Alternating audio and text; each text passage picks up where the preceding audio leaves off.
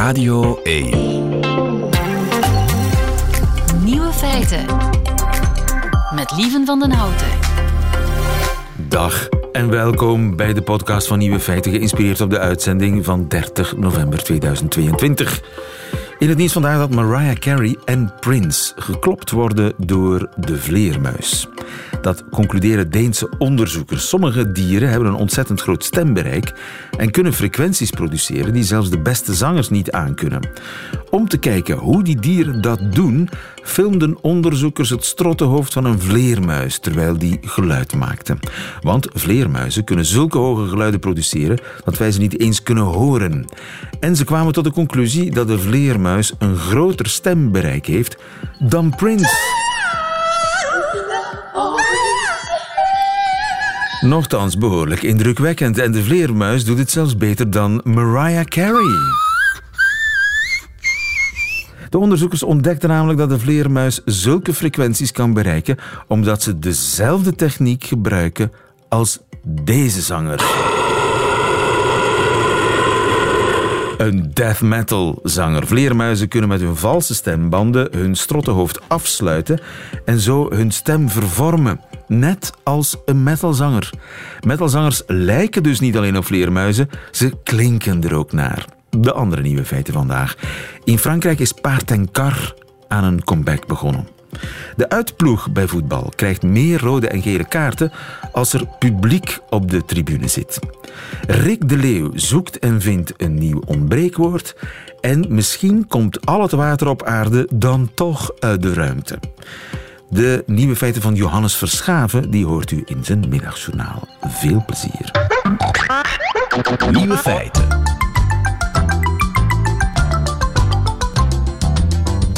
Je moet eens raden wie er aan een comeback bezig is. Ja. Tip, het is niet Misha Mara. Tweede tip, het is goed nieuws voor Willem Vermanderen. Een karre och jerre, dus het klappen niet werd.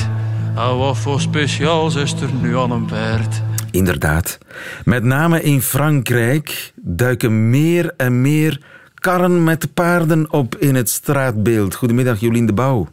Hey, goedemiddag. Onze vrouw in Frankrijk. Ja, hier in Schaarbeek kun je het af en toe zien. Wordt er heel af en toe vuilnis opgehaald door paard en kar. Maar in Frankrijk is er echt sprake van een hype. Ja, het zijn ongeveer al uh, 200 gemeenten volgens de officiële Fédération Nationale des Chevaux Territoriaux. De, de gemeentepaarden, zeg maar, die hebben hun eigen federatie. En er zouden dus al een 200-tal gemeenten uh, trekpaarden in dienst hebben. De comeback van het trekpaard, paard Ja. en kar. En waar worden die karren allemaal voor gebruikt?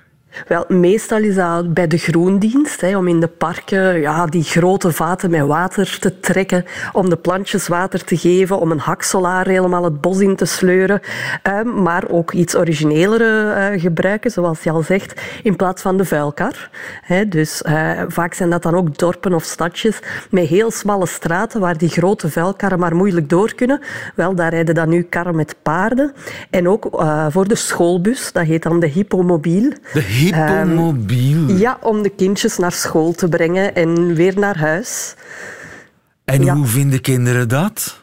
Ah, heel leuk natuurlijk. Hè. Ze gaan blijkbaar, hè, ze hebben daar dan een beetje onderzoek naar gedaan, gaan die kinderen nu ook liever naar school. Wordt ook gezegd dat ze betere punten scoren door die band dan met die, met die paarden. Ik kan me Dus, wel eh, voorstellen. De schoolmoeheid ja. is in één klap voorbij als je in, Ja. in, in, het paardenkar naar school mag. En Inderdaad. zwaaien. En iedereen, iedereen juicht Ja. aan de kant van de weg. Dat snap ik wel. Ja, want dat zeggen ze ook. Hè. De, de vuilnismannen die dan met die paarden mogen rondgaan, die zeiden... eh, ja, vroeger gingen wij rond met onze vuilkar. Wij zaten daar dan in. Mensen keken eigenlijk niet echt. Ze waren eerder een beetje gefrustreerd omdat we het verkeer ophielden. En nu doet iedereen een babbeltje met ons. Praten ze over de paarden, praten ze over het weer. Dus eh, voor de sociale band blijkt het ook wel ehm, een goed ding te zijn. En voor het milieu? Zeker, hè? dus het is ecologisch, het is economisch. Ehm, het klinkt allemaal heel goed eigenlijk. Hè? Ja, en dat zijn trekpaarden. Dus wat wij ja. de, de boerenpaarden noemen, hè? Ja, ja, ja. En dan meestal van die lokale rassen. Hè? Want in Frankrijk zijn er dus een paar eh, lokale trekpaardenrassen. En die, ja, veel zijn daar ook een beetje aan het uitsterven. En het is dan ook een beetje als uh, reclame voor die paarden en ervoor te zorgen dat die, eigenlijk, die rassen in stand gehouden worden. Zoals uh, ja, het Ardeens uh, trekpaard kennen we allemaal natuurlijk. Maar je hebt dan ook de Boulonnais hè, van de streek van Boulogne, de Percheron, de, het Bretoense trekpaard, et cetera. Dus ze gaan echt die lokale ah. rassen inzetten. En kun jij het verschil zien tussen die rassen? Ja, de Boulonnais, dat is zo'n een groot wit paard. Echt helemaal wit, dat hoofd ook. Dat is wel heel tekenend. Uh, het, zijn, ja, het zijn allemaal grote, stevige beesten natuurlijk, maar uh, wel heel verschillend. Ja, het zijn prachtige beesten, hè? Ja, ja, ja super, hè? Ze zijn heel mooi om te zien, ze zijn een beetje -hmm. ondergewaardeerd. En ze waren, ik ga niet zeggen met uitsterven bedreigd, maar je zag ze nog maar weinig, hè, die boerenpaarden. Ja. Inderdaad, zo die, die bijvoorbeeld, dat waren er niet meer heel veel. En dat komt nu toch een beetje terug, want dan ook de regio en de, de departementen, die steken daar ook wel een beetje gas achter. Um, die ondersteunen dat dan mee om dus enerzijds dat wat ecologischer, economischer aan te pakken en ook die rassen inderdaad uh. Te promoveren. Dus iedereen blij? Gaat het niet geweldig traag, zo'n paard en kar? Hoe lang doe je erover als je bijvoorbeeld van 10 kilometer moet komen en naar school moet? Dat is ja, zo'n paard. Hoe, hoe, snel gaat dat? Ja, Vijf dat zijn natuurlijk. Die gaan natuurlijk geen uh, vele kilometers ver die kinderen ophalen. Dat is meer echt zo in het centrum. Uh, dus het is niet dat je daar drie uur op voorhand uh, moet vertrekken naar school. Um, het is echt wel in de, in de dorpjes, in de kleine stadjes. En dan ook voor dat vuil ophalen bijvoorbeeld. Dat is ook niet in de grote steden zoals uh, allez, pakweg Parijs. Daar is dat onmogelijk natuurlijk. Hè? Ja. En zijn er nog onbenutte mogelijkheden? Ik zeg ze maar iets, regulier vrachtvervoer, zit dat daarin? Of ja, het verdelen van pakjes? Ja, het zou kunnen natuurlijk, maar ik denk dat daarvoor de afstanden dan ook weer te groot worden. Hè. Uh, ja. Want ze krijgen nu al de commentaar van sommige tegenstanders. Hè, retour à la bougie, een stap terug in terug de tijd. Naar de kaars. Ja, terug naar de kaars. Uh, dus het is, het is meer um, zo echt die kleine afstandjes. Uh, ja. Maar misschien ja. dat bol.com of weet ik veel, hoe heet het allemaal, Amazon, dat die, dat die wel een paard kunnen in dienst nemen om heel lokaal dan uh, de verdeling heel van de lokaal. pakjes te doen. Ja, ja want blijkbaar zijn dus de, de meeste koetsen zijn nu ook um, al met een motortje uitgerust, zodat die paarden ook niet meer super hard moeten trekken natuurlijk. Ah, dat kan je wel voorstellen. Ja, ja, ja, dat is, ja, kijk, toch een beetje moderniteit. Niet helemaal terug naar de tijd van de kaarsen. Het is echt met elektrische dus aandrijving. Dus elektrische paard en kar? Ja, klopt. Naast de elektrische fiets heb je ook ja. een, een, paard en kar met elektrische ondersteuning. Zeg. Ook de paarden gaan met hun tijd mee. Inderdaad. Is het ook iets heel erg Frans om die, dat, ja, dat paard en kar, dat, dat terroir, hè? dat is toch ook wel heel erg Frans, nee? Ja, zeker. Hè? Omdat het dan ook over die plaatselijke rassen gaat. Dat is natuurlijk inderdaad lekker Frans. Hè? Ja, Onze rassen. De comeback van paard en kar in Frankrijk is in volle gang. Jolien de Bouw, dankjewel. Goedemiddag. Salut. Het ontbreekwoord. Rick de Leeuw gaat op zoek naar woorden die in onze taal helaas nog niet bestaan. Woorden zoals eergenoot, hamerglas, paniekdoos, de lijst met ontbreekwoorden, die begint stilaan te lijken op een echt woordenboek. En we hebben er ook we hebben ook een soort woordenboekje gemaakt. U kunt dat terugvinden op radio1.be, het ontbreekwoordenboek.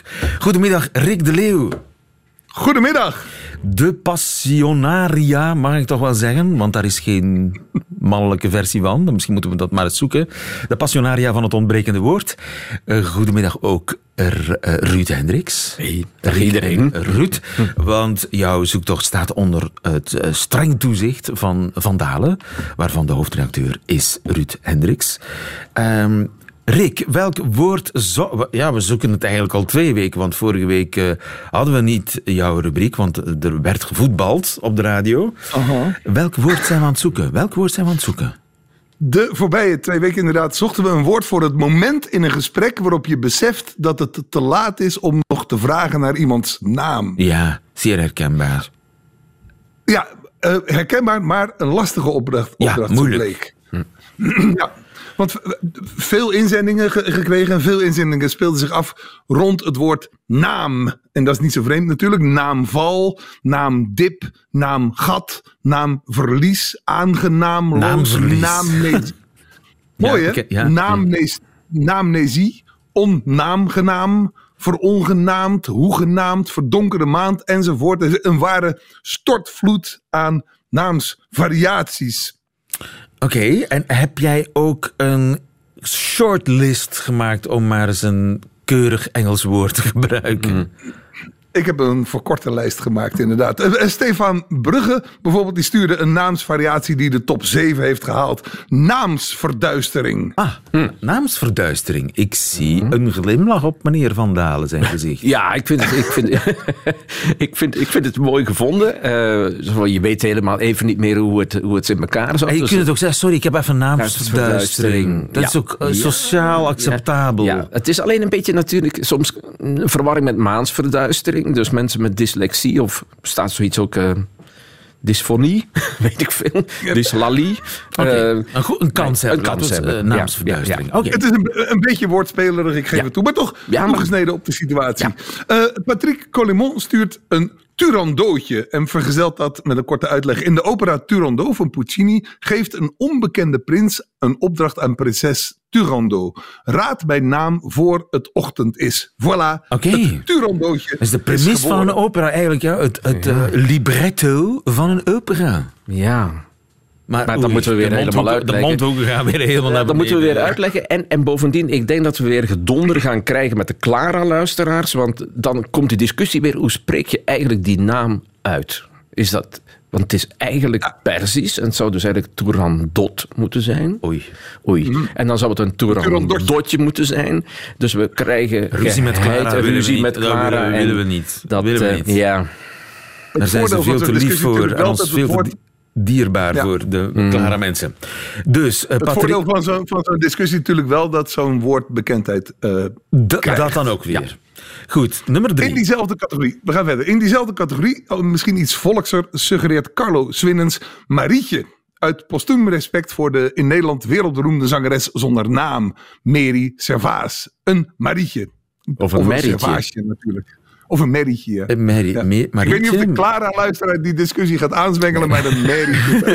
Nee, Van Clara hebben we in deze niets te vrezen. Zangeres zonder naam. Ik ben heel erg voor zangeres zonder naam. Ja. Dus een Marietje ja. of een Servaasje. Een servaasje. Ja. Ja, Ja, een servaasje. het- het veronderstelt heel wat voorkennis. Ja, ja, ja. Ja. Nee, nee, nee, nee, nee, we zijn streng. ja. Ja, oké. Björn Houtenkier zoekt het wat verder van huis en komt met het Livingston-moment. Verwijzend naar de beroemde Mhm. woorden van Stanley, Dr. Livingston, I presume. Dat is al wat Die hoef je niet uit te leggen. Iedereen kent Ja. dat. Ja. een Livingston Ja. moment. Livingston moment. Oké, ja, ja, ja, ja, ja, ja. Oké, nou, oké. Nog. Dirk Schoenaars. Dirk Schoenaars geeft de klassieke talen ruim baan en komt met het indrukwekkende Ignomentum. Zou ook als titel van een lijvige roman niet slecht zijn. Ignomentum. Ik heb, ik heb een ignomentum. I- ignorare, niet ja, weten. niet- Momentum. Moment. mo- Dat ja, is voor de klare luisteraar, Dat is, Dirk Schoenaerts heeft, is niet van de straat. Hij heeft, hij heeft Ja. doorgeleerd, Ja. Dirk Schoenaerts, de element.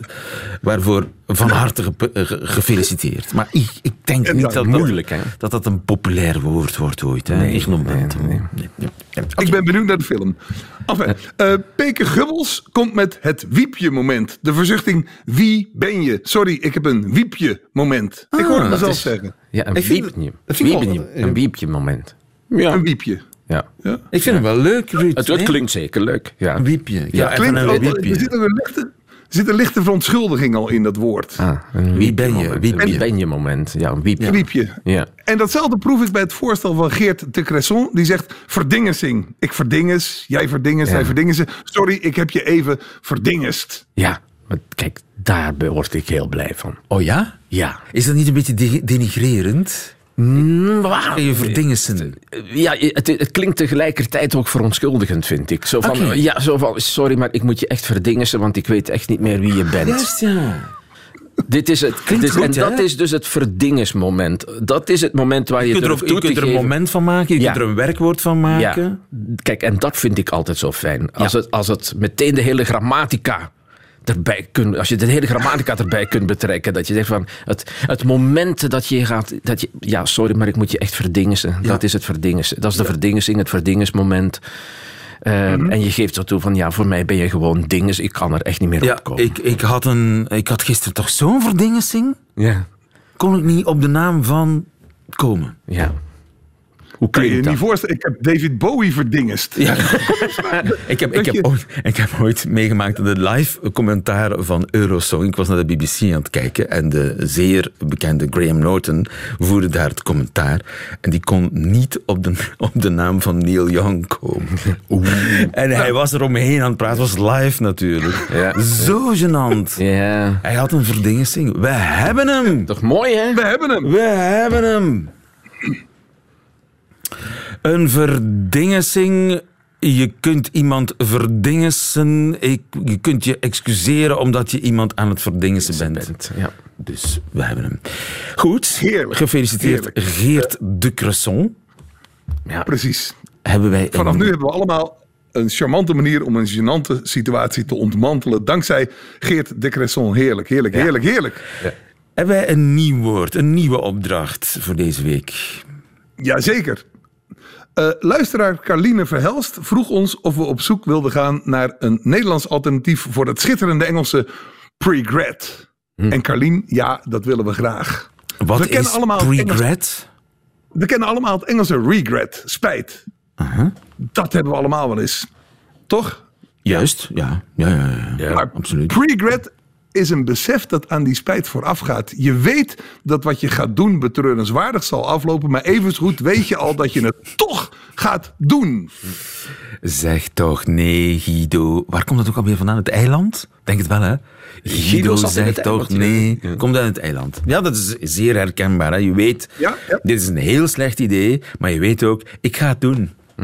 Precies. En ik zal de wedstrijd van morgen tegen Kroatië niet als voorbeeld nemen, maar misschien beter de zak chips die morgen tijdens de wedstrijd naar alle waarschijnlijkheid naast je op de bank ligt. Je weet dat een schijfje komkommer of een wortel veel beter voor je is. En toch is die zak chips na de wedstrijd leeg, als dat niet al bij de rust het geval is. Een schoolvoorbeeld van pregret. En dat is eh, in Engeland, is in, in het Engels, is dat echt een woord? Hebben we daar andere varianten voor in andere talen? Geen idee. Geen idee. Misschien hebben de Duitsers, eh, hebben de Duitsers niet zoiets als schnapsidee? Dat is geen schnapsidee. Geen idee. Mijn Duits is onbestaande. Oké. Hoe dan Oh ook. het, het, het snapsidee is dan het hamerglas. Het hamerglas, dat is inderdaad een schnapsidee. Maar het is daar enigszins aan verwant. Ja. Je hebt pre, je pregret je hamerglas, terwijl je ernaar reikt, eigenlijk, als het ware. Juist, juist. Dus juist, de opdracht is duidelijk iets waarvan je weet, het is een heel slecht idee. Ik ga er spijt van hebben en toch doe ik het. Hoe noemen we dat in het Nederlands? In het Engels heet het pregret, maar hoe heet het in het Nederlands?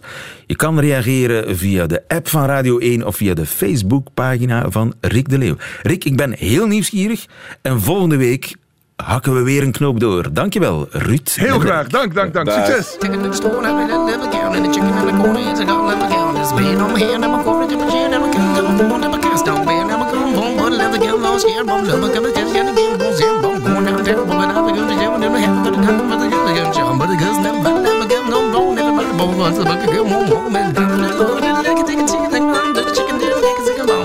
Nieuwe feiten. Fluit de scheidsrechter vaker in het voordeel van de thuisploeg? Dat is wat Britse wetenschappers beweren. Wim Winters, goedemiddag. Goedemiddag.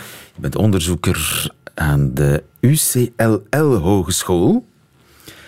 Eh, en je doet ook onderzoek voor de Belgische Voetbalbond. Nu, in eh, Groot-Brittannië is er een eh, onderzoek gebeurd naar aanleiding van corona. Want door corona zijn er de voorbije jaren veel wedstrijden zonder publiek gespeeld. En nu hebben die onderzoekers de vergelijking gemaakt. Wat hebben ze precies vergeleken? Wel, ze, ze zijn gaan kijken eh, naar het verschil eh, in het aantal gele en rode kaarten dat wordt gegeven aan de thuis- en aan de uitploeg. En dat hebben ze dan nog eens vergeleken ehm, in de periode dat er geen publiek was, dan met de periode dat er wel publiek was. Die periode dat er wel publiek is, is natuurlijk veel groter. Ja. Het is iets dat ze vroeger enkel in labo-situaties onderzochten, maar nu eindelijk een keer de kans voor hebben gekregen om dat live te onderzoeken. Inderdaad, En ze zien inderdaad dat eh, eh, de uitploegen meer gele en rode kaarten krijgen dan de thuisploegen wanneer er publiek is. En dat dat eh, fenomeen zich niet meer voordoet wanneer er geen publiek aanwezig is. Wauw. Verbaast Ja. je dat? Ehm, dat verbaast mij gedeeltelijk. Ehm, je zou verwachten dat scheidsrechters op een hoog niveau toch eh, zo goed mogelijk bestand zijn tegen de druk van het publiek. Ehm, maar anderzijds, wanneer er zich een, een situatie voordoet op het veld, eh, een overtreding, een stevige overtreding en 25.000 toeschouwers beginnen te joelen en te roepen, dan denk ik dat de, een referee ook maar een mens is en dat dat toch iets met hem doet. Hè? Dat het dan iets moeilijker wordt om dat objectief te beoordelen. Anderzijds, wanneer eh, iemand van de thuisploeg een zware overtreding maakt, dan zal het publiek eerder stil zijn. Hè? En toch Ja. moet de scheidsrechter proberen dat op dezelfde manier in te schatten. Ja. Dat is niet gemakkelijk natuurlijk. Ja. Zou het ook kunnen dat de aanwezigheid van het publiek die uitploeg meer fouten doet maken?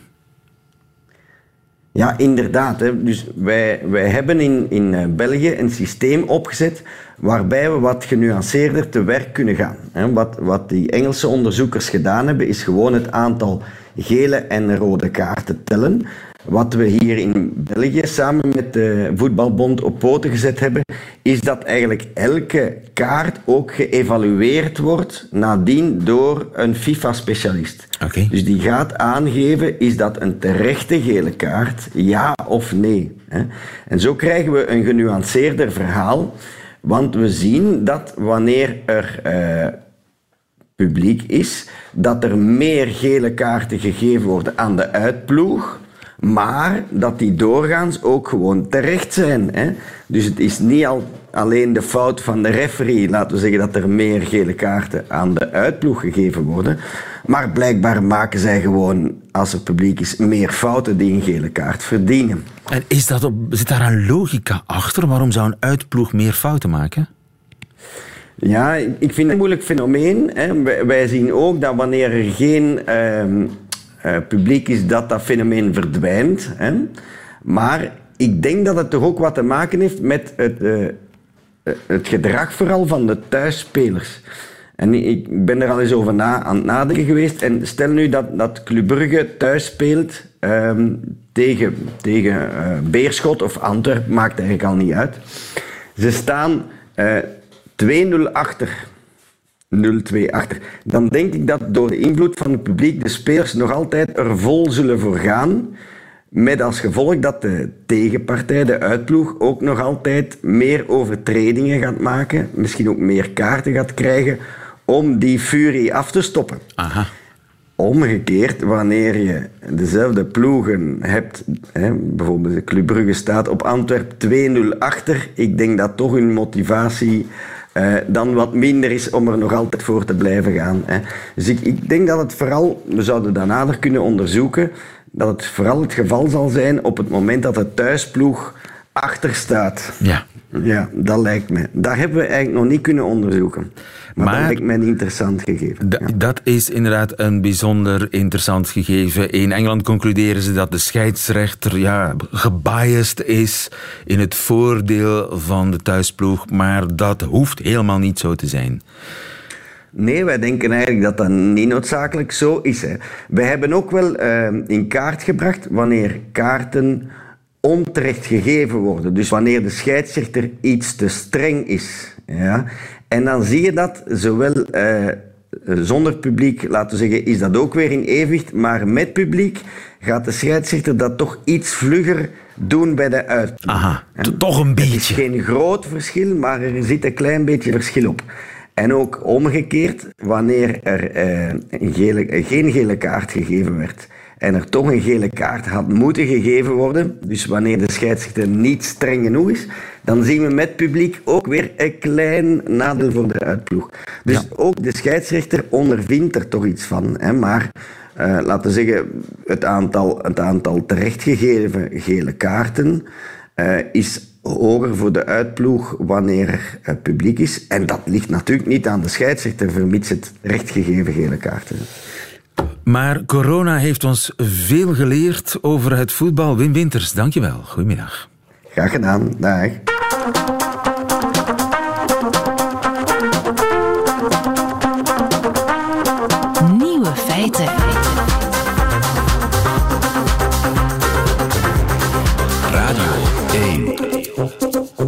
Zou al het water op aarde ooit door meteorieten zijn meegebracht? Er is iets gebeurd die, dat die theorie meer kracht bijzet. Katrien Kolenberg, goedemiddag. Goedemiddag. U bent sterrenkundige aan diverse universiteiten. Vorig jaar in februari is er een knoert van een meteoriet eh, neergedonderd in het anders zo vredige Gloucestershire. Blazing across the night sky at 50,000 kilometres an hour, the dramatic arrival of the UK space rock. And some of it ended up here, burnt into the Wilcock family's driveway in Winchcombe, Gloucestershire. Ja, je zal het maar eh, op je oprit vinden. De zwart geblakerde brokstukken lagen verspreid in voortuintjes. Vorig jaar meldde het nieuws eh, in Gloucestershire. Intussen zijn die brokstukken grondig onderzocht. En wat blijkt? Ze zitten vol water. Ja, de bouwstenen van water zijn aanwezig in die meteoriet. En dat is een heel interessante bevinding, want die laat ons concluderen dat een, tenminste een deel van het water dat wij hier op aarde zien, naar de aarde zou gebracht zijn door brokstukken uit de ruimte. Ja, en het bijzondere van dat water in die brokstukken die nu gevonden zijn in Gloucestershire, is dat dat is water van dezelfde chemische samenstelling als het water op aarde. Ja, dat, dat is klopt. niet altijd het geval. Nee, dat is niet altijd het geval, want water is een molecule. Dus water bestaat uit verschillende basisdeeltjes, atomen. En de formule voor water is H2O. Dus je hebt twee H's. Dat H is waterstof en dan een zuurstofatoom. Nu, dat waterstof dat komt voor in verschillende varianten. En je hebt zwaar waterstof en lichter waterstof. En op onze aarde hebben we heel weinig zwaar waterstof, maar een fractie van een procent. Ehm, en dat vinden we ook terug in die meteoriet. Dus het waterstof in het water dat we zien in die meteoriet is eigenlijk qua verhouding tot het zwaarder waterstof gelijk aan wat dat we zien hier op aarde. Ja. Maar dus het feit dat er eh aardswater zeg maar, is gevonden in die zwartgeblakerde brokstukken in die voortuintjes in Gloucestershire, dat versterkt de theorie dat eh, veel water op aarde ooit door vallende brokstukken is meegebracht. Mogelijk, ja. Waar het water op aarde vandaan komt, daar zijn we nog niet helemaal uit. Allicht is het niet uit één bron afkomstig. Er zijn verschillende theorieën, verschillende scenario's. En een oude theorie was eigenlijk dat het water meeliefde met kometen of staartsterren. Want kometen zijn eigenlijk vuile sneeuwballen. En in de, in ons jonge zonnestelsel, 4,6 miljard jaar geleden, toen onze, onze zon ontstond en ook de planeten werden gevormd, waren er ook heel veel kometen en er zijn er veel neergestort op aarde en die bevatten veel water. Dus die zouden water naar de aarde hebben kunnen gebracht. Maar de chemische samenstelling van, van eh, het water in kometen is wat anders Ja. dan op onze aarde. Dus die theorie die geldt niet helemaal. Je zou ook kunnen zeggen van ja, de brokstukken waaruit onze aarde is gevormd in dat jonge zonnestelsel, die bevatten ook al die bestanddelen van water. Die bevatten waterstof en zuurstof.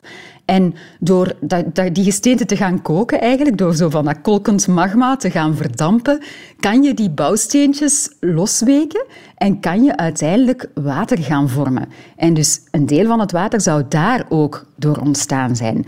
Nu, een nieuwere theorie is dat het asteroïden zijn, brokstukken uit de ruimte, die ook bouwstenen van water naar onze aarde hebben gebracht. En die meteoriet die een jaar geleden viel in Engeland, is daar eigenlijk een argument voor. Hè? Dus eh, we zijn er, e- dat vind ik eigenlijk raar, we, zijn er, e- we weten nog niet zeker waar het water op aarde vandaan komt. Nee, nee, dat weten we nog niet helemaal. Het is een beetje, het is niet echt natte vingerwerk, maar we hebben nog geen waterdicht scenario dat alle verschillende elementen eh, samenbrengt. Want dat is helemaal niet zo simpel te achterhalen. Ja, want de aarde is eigenlijk uitzonderlijk nat. Hè? Er zijn weinig eh, planeten die zo nat zijn als de aarde. Ja, dat klopt natuurlijk. Ja, we zien vooral in ons eigen zonnestelsel en daar, en daar zien we dat ja, de aarde uh, veruit de, de natste planeet is. Want uh, Mars, die planeet die vrij dichtbij ligt, daar zien we geen water meer. Maar misschien was daar ooit wel water. En wat, is, wat zou dan het verschil kunnen zijn tussen Mars en de aarde, de aarde die wel zijn water kan ophouden, bijhouden, en, en Mars die al het water dat er ooit was, wellicht, is kwijtgespeeld. Waar kan het aan liggen? Dat is een heel goede vraag. Ja, want zowel de aarde als Mars liggen eigenlijk uh, op een goede afstand van de zon om vloeibaar water te kunnen huisvesten. Maar we zien dat alleen op de aarde. Nu, hoe komt dat? Omdat je ook moet er moet voor zorgen dat dat vloeibaar water dat dat blijft, dat dat vastgehouden wordt. En op de aarde heb je een atmosfeer die daarvoor zorgt ook. De, de, de druk, de temperatuur op de aarde zijn zodanig dat we veel vloeibaar water kunnen hebben. En op Mars is dat niet het geval. Of tenminste niet meer het geval. Misschien was dat in het verleden wel zo, maar er is iets gebeurd waardoor die atmosfeer van Mars veel eiler is geworden en dat we daar nu geen vloeibaar water meer waarnemen. Ja.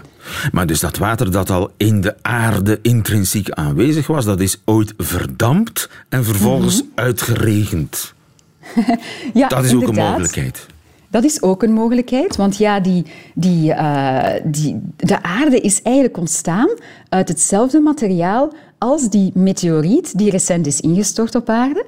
En dat materiaal, dat, dat, is, dat, is, ja, dat, is, dat is steenachtig materiaal natuurlijk, maar dat bevat mineralen. En in die, in die, in die mineralen zit zowel waterstof als zuurstof. Wanneer je dat, die gesteente gaat, gaat opwarmen door ja, die, die jonge aarde die was heel heet, dan gaat, dan gaat dat gesteente koken, krijg je magma en dan komen die bestanddeeltjes los en kunnen die uiteindelijk water vormen, H2O. En dat gaat dan uiteindelijk in gasvorm, ja, dat gaat in gasvorm ontstaan, maar dat gaat kunnen condenseren uh, en dan neerregenen. En zo hebben wij ook zeker een deel van ons water gekregen op onze ja, planeet. Maar hoe groot dat deel precies is, hoe die verhoudingen liggen, wat er nog uit de ruimte is bijgekomen en wat er al was op aarde, die verhoudingen, dat moet nog onderzocht worden. Dat, is nog, dat maakt nog deel uit van het grote watermysterie. Dankjewel, Katrien Kolenberg. Goedemiddag. Graag gedaan, dankjewel. Nieuwe feiten. Radio 1. En dat waren de nieuwe feiten van 30 november 2022. Alleen nog die van Johannes Verschaven. Die krijgt u nu in zijn middagjournaal. Nieuwe feiten. Middagjournaal. Ik geef het toe. Ik huil soms graag. Maar ik huil bijna enkel bij een stroperige film of tijdens de blind audition van een onschuldige jongen in The Voice. Ja, lach maar. Mijn vrouw lacht me er ook mee uit. Soms lach ik mee en huil ik tegelijk verder. Ik weet, het is pathetisch, maar zo werkt het bij mij. Het is als magma in een vulkaan. Er hoopt zich van alles op, dingen afkomstig van een ander werelddeel op mijn emotionele aardbol waar frustraties heimelijk onder de aardkorst geschoven worden en uiteindelijk staat die vulkaan op springen. En op een dag kotert er iets banaals met een stokje in die vulkaan en bam. Lava spat kilometers hoog de lucht in. Het gebeurde ook eens op reis. Mijn vrouw deed even een ommetje met de kleine om die in slaap te krijgen, en ik bleef alleen achter op het terras van een pizzeria. Ik had geen smartphone toen, dus ik zat gewoon, waar rond te kijken, moe van het opstaan s'nachts. Eros Ramazzotti door de boksen, een paar Italianen die wat Italiaans zaten te wezen. En toen passeerde dat ene nummer van U2, Miss Sarajevo. Het was dan wel Bono, oké, maar het was al beter dan Eros Ramazzotti. En het nummer kabbelde en ik kabbelde mee. De akkoordenwisselingen, het zachte zwellen van de sound. En plots, als een deus ex machina, nam Pavarotti het over. Pavarotti, voor mij toch de dikke operazanger met de witte zakdoek die sportpaleizen vulde met tantes en buurvrouwen. Maar ik ging mee. Ik liet me gewillig meevoeren op de telkens hoger reizende golven van zijn trillende tenorstem en op de hoogste noot, die lange, brak ik in tranen, daar op het terras op mijn eentje. En ik liet ze vloeien, terwijl de Italianen Italiaans bleven doen.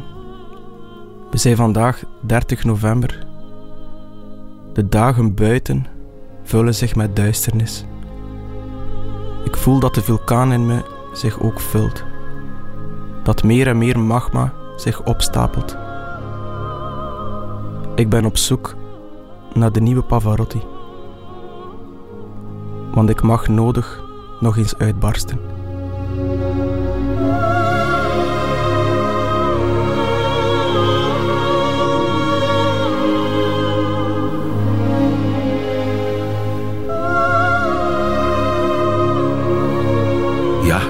Verschaven, je had me daar bij eh, Pavarotti al te pakken.